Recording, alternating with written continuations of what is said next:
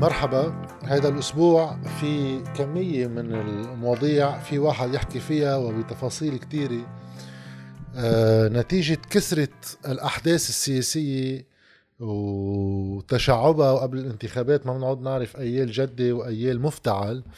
ولكن هيدا شغلتنا نحاول واحد من خلال المعطيات يجرب كل موضوع يعجفها. هالجمعة يمكن تقريبا كل يوم يكون في فيديو تنحكي اليوم عن موضوع آه، الحدود البحرية ومفاوضات ترسيم الحدود بجنوب والإشكال الكبير اللي صاير اليوم خصوصا مع آه، الظهور الإعلامي لرئيس الوفد المفاوض للمفاوضات غير المباشرة بخصوص الحدود البحرية الجنوبية العميد بسام ياسين وتصريح قبل بيومين ثلاثة رئيس الجمهورية بخصوص هذا الموضوع.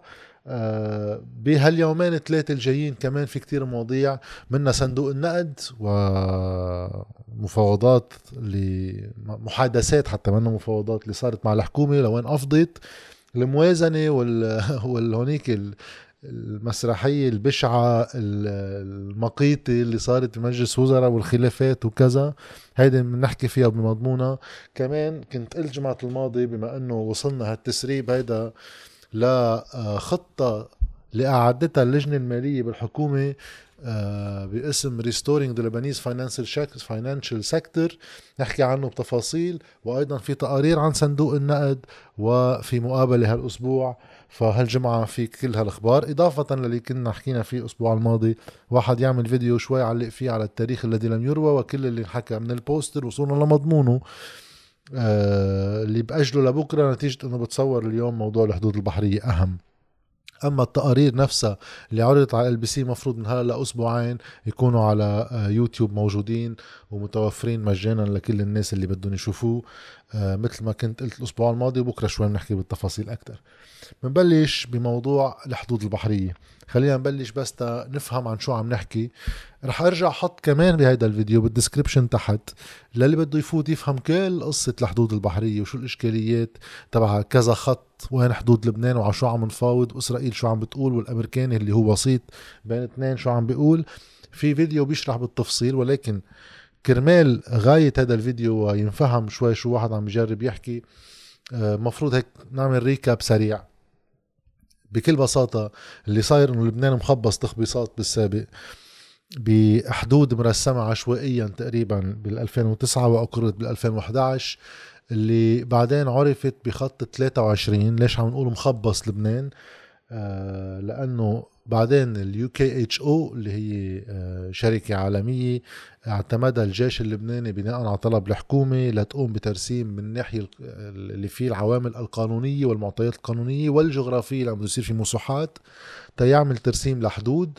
هيدا الشيء بيصير بال 2011 2011 بخبرونا إنه آه نحن حكومتنا مغلطة بالحدود اللي مرسمتها جنوبا بالبحر بالخط 23 بفرق 1430 كيلومتر. نحن متنازلين متنازلين عنهم للجهة الإسرائيلية بالحدود السابقة.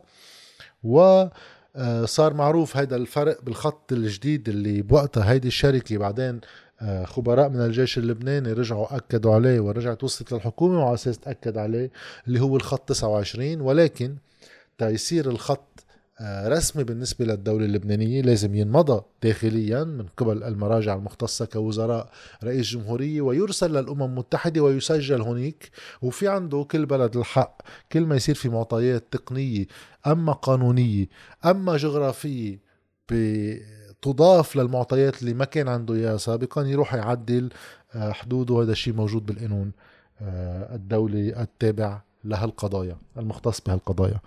ف الخط 29 من بعد ما بلشت المفاوضات صار الجيش اللبناني اللي هو رئيس الوفد هو ضابط بالجيش اللبناني آه، العميد بسام ياسين إضافة لأعضاء الوفد.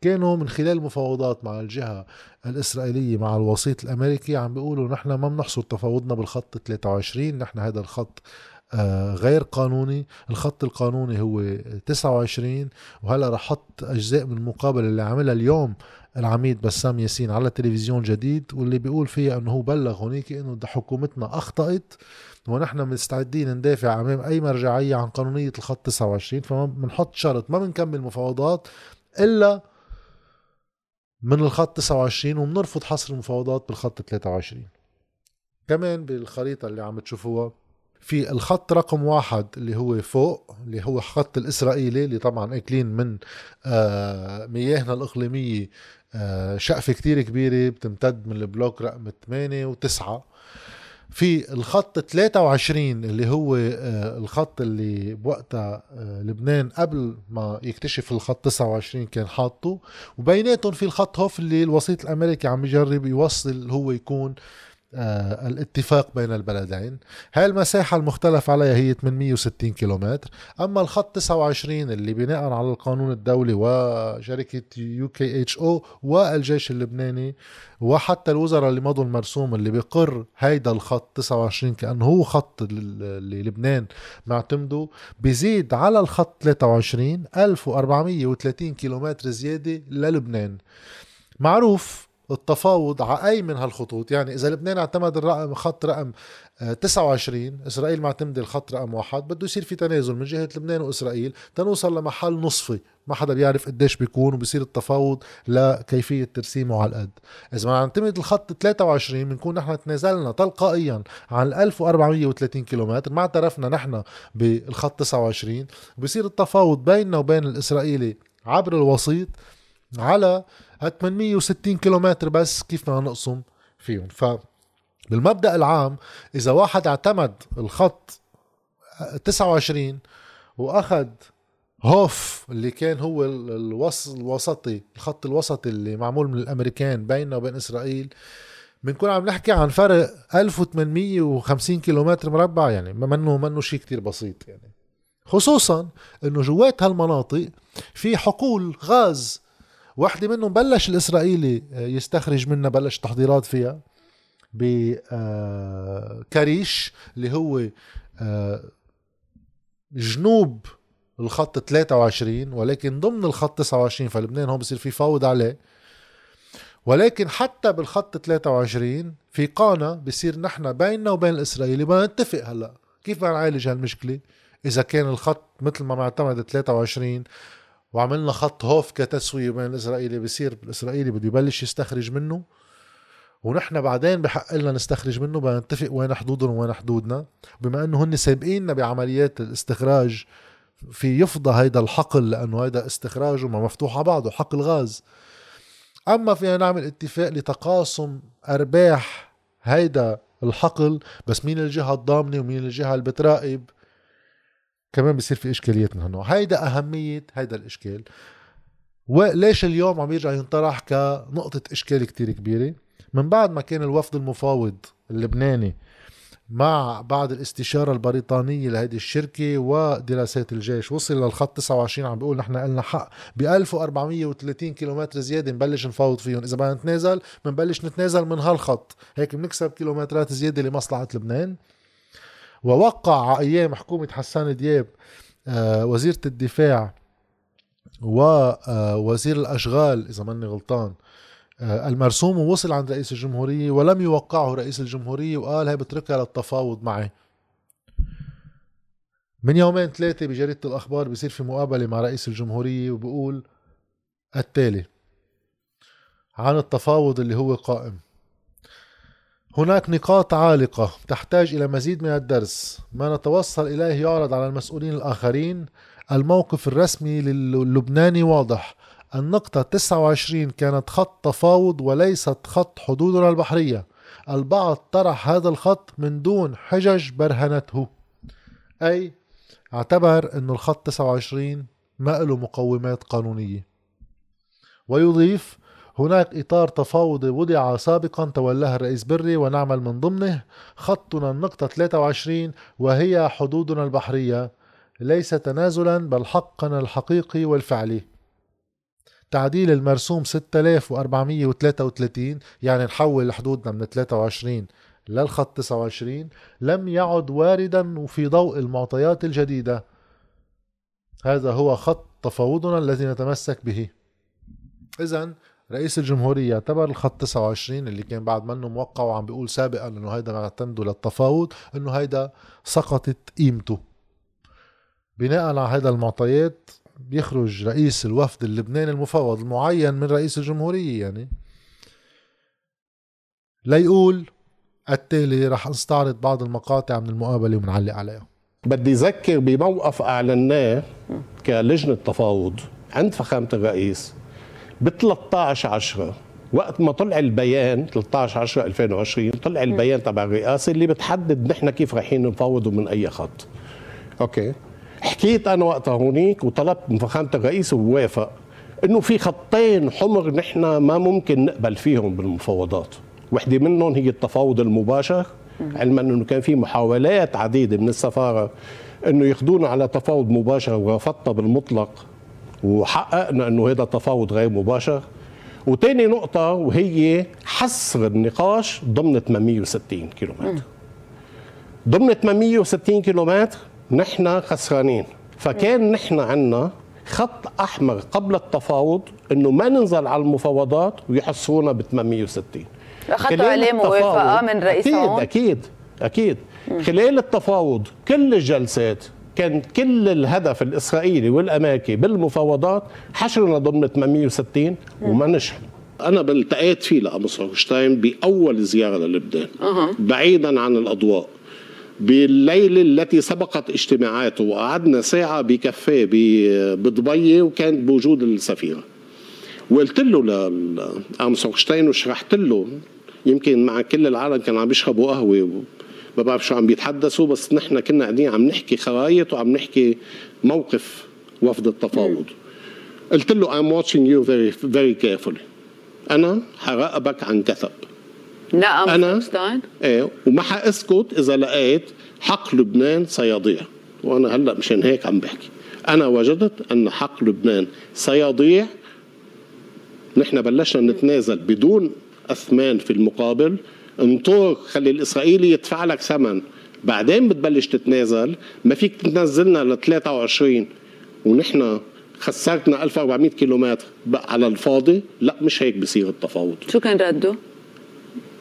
ما في. شو بده قال إنه بده يتابع معي بصورة دائمة وأخذ رقمي وسألني شو هو العرض المقبول بالنسبة للبنان. وهون أنا حأعلنها. شو كان العرض إيه؟ المقبول؟ أنا قلت له نحن الخط 29 هو خط قانوني قوي نقطة ضعفه أنه مش موجود بالأمم المتحدة.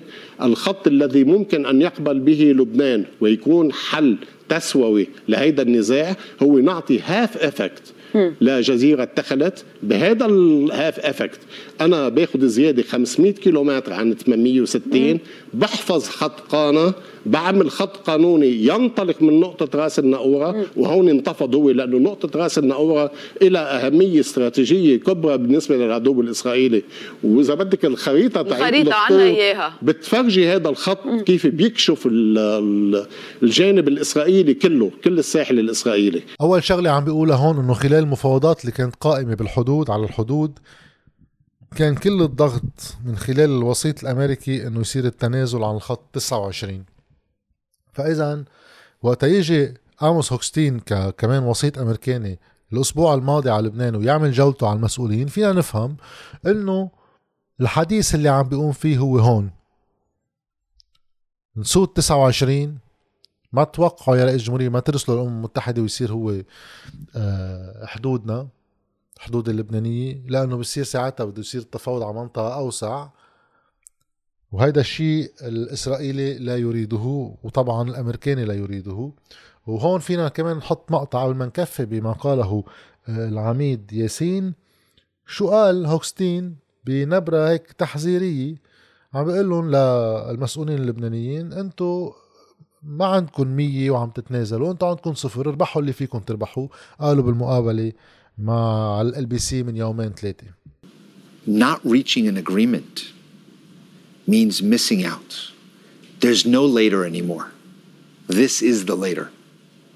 This is the last minute. the negotiations now for Lebanon that Lebanon has to consider. I don't worry about the, pol- the politics or the politicians or the leadership.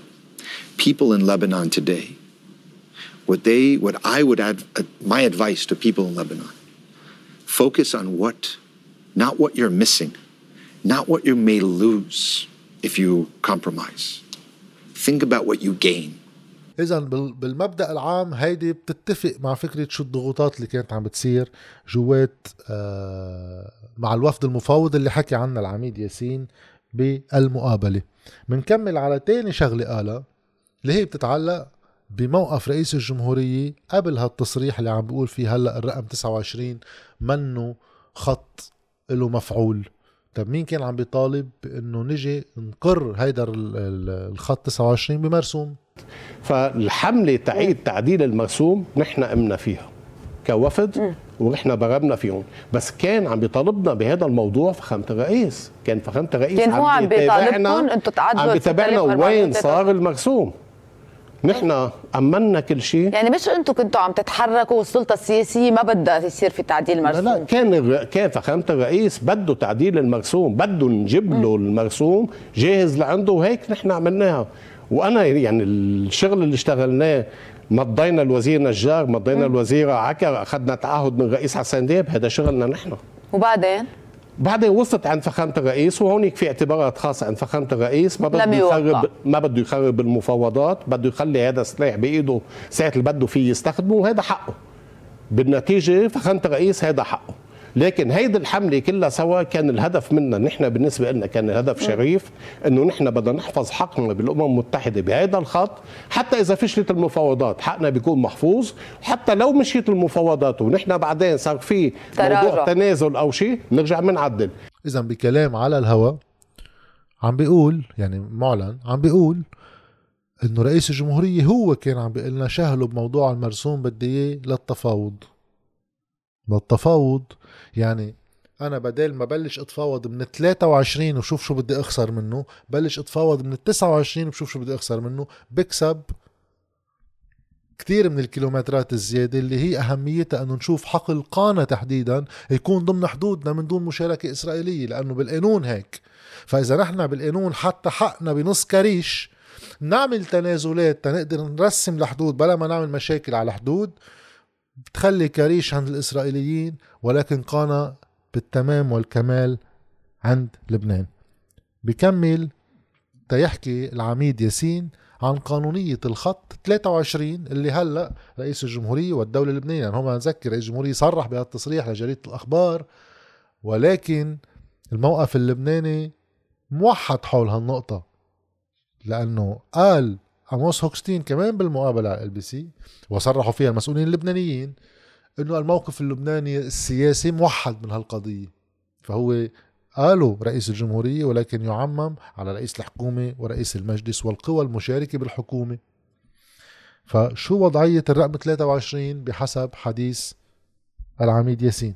الخط 23 ما عنده أي أسس قانونية. اللي رسموا بسنة ال 2011 رسموا كان الهدف تبعه نحن خط هوف كان يصور للبنان إنه حقك هو خط هوف بوقت الرئيس السنيورة وهذه شغلة إيجابية عملها. قال أنا إذا بدي أنزل على المفاوضات لآخذ هوف طيب خليني أنزل جنوب هوف وبالمفاوضات. برجع برجع لهوف فالرسم غوغائيا هذا الخط. أول شيء ما انطلق من رأس النقوره انطلق من البحر. ما في ولا قاعدة ترسيم بيتبعها ومشان هيك أنا بالمفاوضات ومنذ اليوم الأول وبكل اجتماعاتي مع السفير ديروشي جانبيا وهيك كنت أعلن أن الخط 23 غير موجود بالنسبة للبنان. لحد في في يوم قلت له حكومتي أخطأت في هذا الخط. أنا عم بعلنها. حكومتي أخطأت. ما عاد تحكيني بالخط 23 23 مش موجود. ما كنتوا 23 تعتبروه حتى إنه مش موجود, موجود. نحن كنا بدنا كل المفاوضات هي بين خطين. هو خط هوف اللي بيعطي 100% تأثير لجزيرة تخلت وبين صفر تأثير اللي هو الخط 29 المفاوضات هونيك لازم تكون موجودة بين هودي الخطين. واحد هو خط وهمي ما له أساس والخط 23 هو خط وهمي ما له أساس. ما كان في عنا نحن بد إلا أنه نحافظ على الخط الأقصى تبعنا خط المفاوضات 29 حتى بس نبلش بالمفاوضات على أرض طاوله الناقوره وتبلش عملية التنازلات يكون التنازل متبادل. اللي صار هلأ أنه نحن تنازلنا أعلنا خطنا 23 إسرائيل حققت أهدافها بضربة وحدة. نحن ما استفدنا شيء هي حققت كل شيء. إذا عم بيقول كمان بحديث معلن وهيدي آه، بتأكد عليه آه، الدراسة اللي عملتها UKHO اللي برجع اللي بحب يشوف شو تفاصيل الرواية كلها بال description في ال link اللي عم بتقول إنه إيه الخط 23 ما له أساس قانوني. لا من نقطة انطلاقه ولا بالمسار اللي ياخده بالبحر ما له أي أساس قانوني. وانحط بوقتها لأنه الإسرائيلي بلش وبده يصير كان في مفاوضات وبعته بوقتها آه، وسيط الأمريكي هوف. فقال تنوصل للخط هوف خلينا نعمل حدود. شايف أنا دولة عشوائية أكثر من هيك ما ما في ما ممكن يعني. وبغض النظر عن شو حاكي العميد ياسين بالمطلق في دولة لبنانية بتحط خط بعد سنتين من ما تحطه تجيها دراسة رسمية بتعطيها حق إلها أكثر من 2011 ب 1430 كيلومتر زيادة. وهي عم تعدل عدة بالتوازي إنه في عنا غاز بالبحر فهي معها خبر. وبنبقى لل 2022 عم نحكي بالموضوع. خلصت المفاوضات وصار الضغط الأمريكاني والبلد فلس. هي مفروض فضيحة بتحط بشر كلهم بأمهم وأبوهم قطعوا بالسلطة بالحبوسة لو كنا شبه بلد طبيعي. فكيف إذا في رئيس الوفد المفوض المعين من هالسلطة السياسية. يعني مش إنه الثورة جايبته ولا حدا جايبه. هاي السلطة السياسية وقت راحت نقت وسألنا شوي عنه للعميد ياسين بيفهم موضوع الترسيم. ما منه حدا متعدي على هذا آه المجال. وهون تما واحد يفوت بالشخصي لأنه ما بعرفه. فبقدر أعرف المعطيات التاريخية اللي وصلتنا. شو هو الخط 29 شو هو خط 23 ليش على أساس كنا رايحين بهالاتجاه وليش فجأة لا؟ وأخيرا شو الإشكالية اللي هلأ صايرة؟ إنه عند رئاسة الجمهورية آه، المستلم هيدا الملف هو النايب الياس بوصعب اللي هو متابع هيدا الملف. واللي أنا برأيي الشخصي يعني خيار جدا سيء من رئاسة الجمهورية. أصلا توكل حدا مثل الياس بوصعب بهيك ملف بغض النظر عن الرأي الشخصي. فيه في ناس بتحبه في ناس ما بتحبه. الموضوع يتعلق بقديش حصانة الجهة المفاوضة اللبنانية.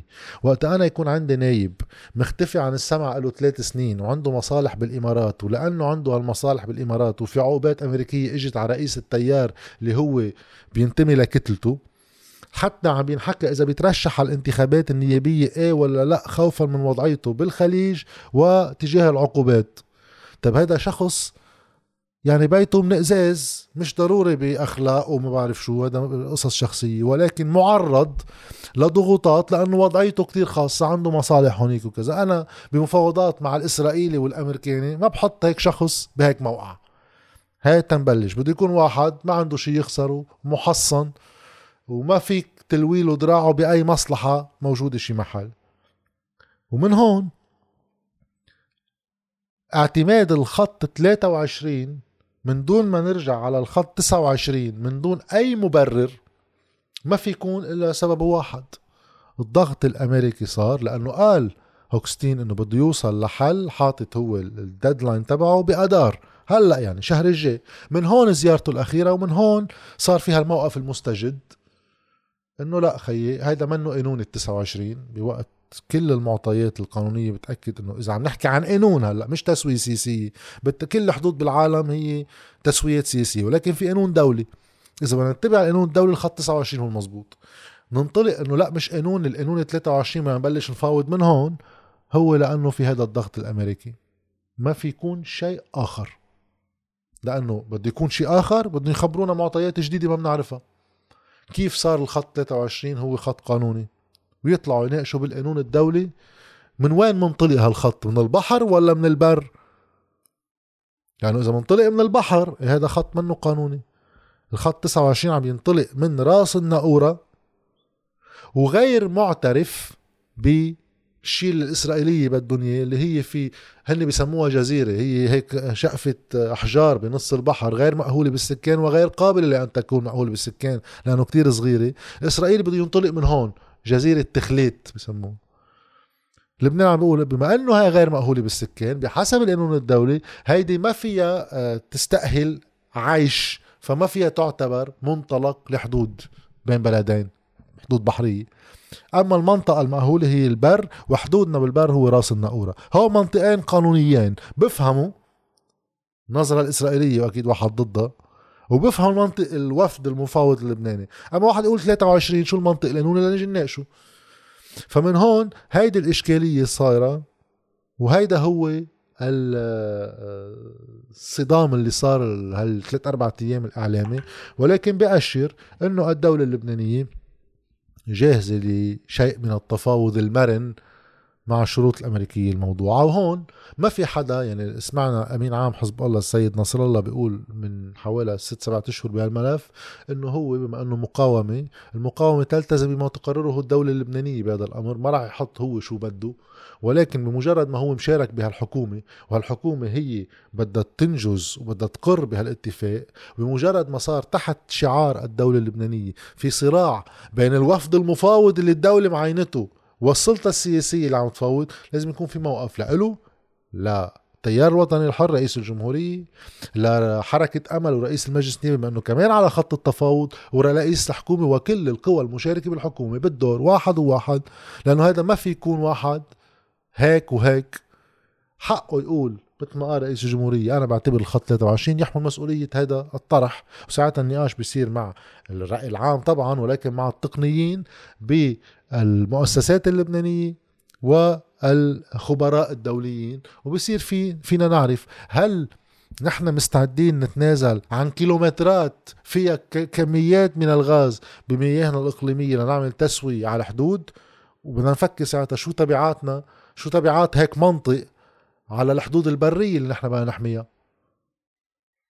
هيدا بالمختصر برجع بقول للي بحب يفهم كل قصة الخطوط وكيف بلشت وكيف وصلت وليش صارت إشكالية.